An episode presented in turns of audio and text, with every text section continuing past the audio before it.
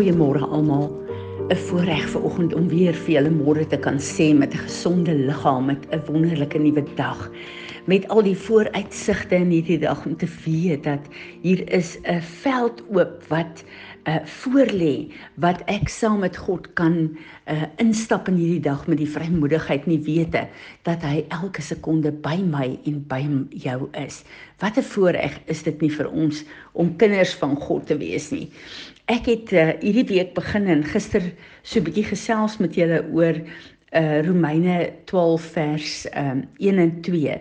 Maar dit wil my nie los nie en dit voel vir my of die Here my nie net op 'n plek van meditasie intrek nie, maar 'n plek waar die openbaring wat hy gee, die nuwe vlak van openbaring wat hy gee, 'n plek is wat ons lewens wil verander en ons posisie wil kom verander of hy 'n nuwe dimensie van wie hy is na ons elkeen toe wil bring omdat dit is wat ons so so nodig het op hierdie plek op aarde maar ook in ons lewens. En ek wil kom en ek wil hierdie skrif net vir ons weer lees. Romeine 12 vers 1 en 2 Therefore I urge you brothers and sisters by the mercies of God to present your bodies dedicating all of yourself set apart as a living sacrifice holy and well pleasing to God which is your rational logic intelligent act of worship.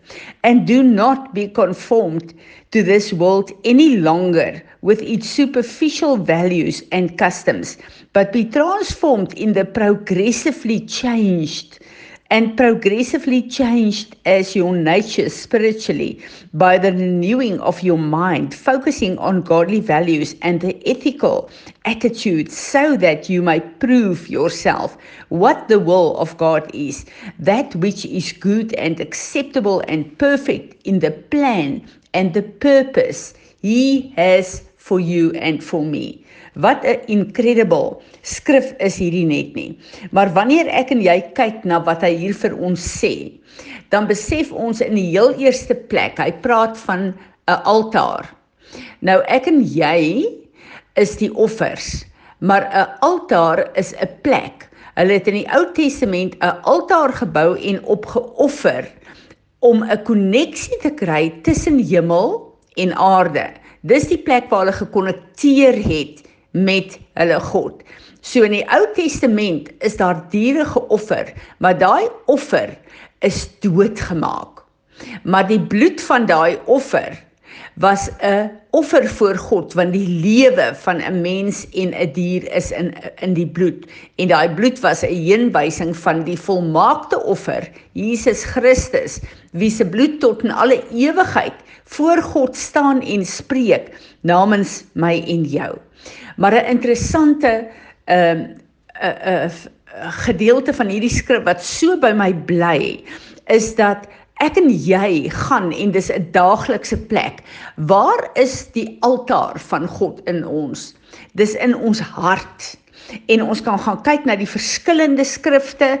Jy kan gaan kyk in Hebreërs 3 vers uh, van vers 10 af, Psalm 5 vers 5, Psalm 43 vers 4 waar uh, Dawid veral baie praat oor uh, sy hart en die intensies van sy hart. Hebreërs praat die Here van die boek van Hebreëus praat en uh, sê die intensies van ons hart is aanneemlik voor God. So ons harte is die altaar uh van, van uh waar ons God aanbid. Uh, uh, Dis hoekom die Here vir Dawid gesê het.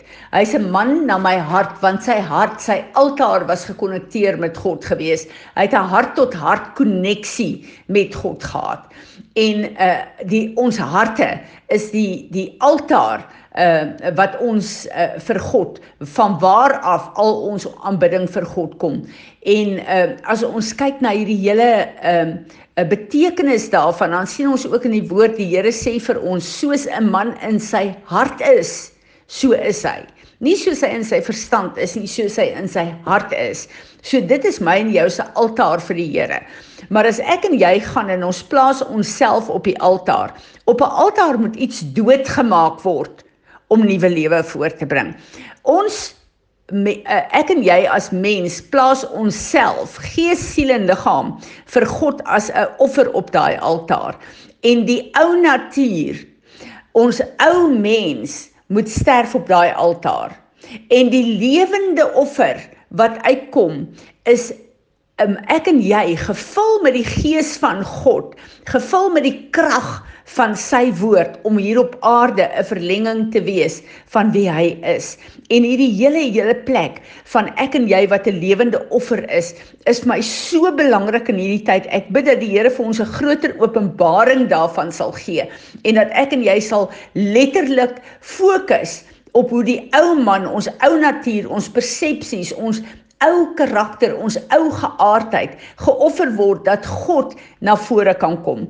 Ek lees 'n gedeelte van ehm uh, uh Francis van Japan waar hy kom en hy sê uh in hierdie plek om God homself net soos met Josua se tyd openbaar as 'n warrior. Ons ken hom as ons verlosser, as ons Here, as ons meester, die een wat ons aanbid, maar hy is ook uh, die die uh aanvoerder van die hemelse weermag.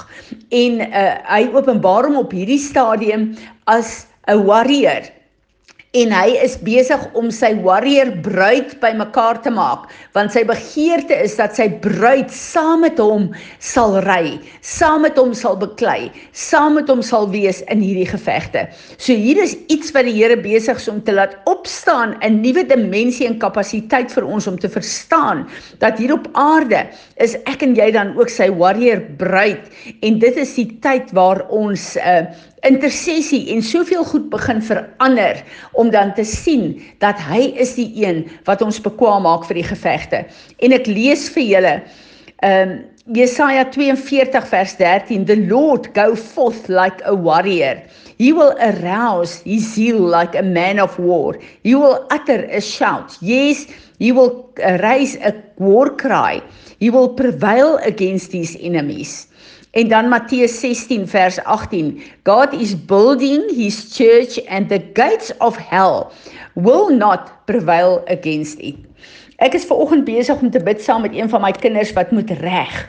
'n uh, kwaad is vir 'n plek waar sy te nagekom word en uh, wat letterlik besig is om uh, te staan op 'n plek waar sy skiet goed reg kry om haarself reg te bewys en uh, dis nie sommer net 'n algemene ding nie dit gaan oor haar loopbaan en oor haar toekoms en hier is 'n 'n 'n regte aanval teen haar.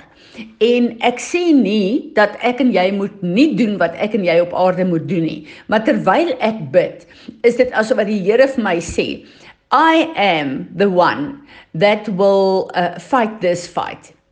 En dan dink ek aan Eksodus 14 vers 14 waar die Here sê: "Staan langs my en kyk hoe ek hierdie geveg afhandel."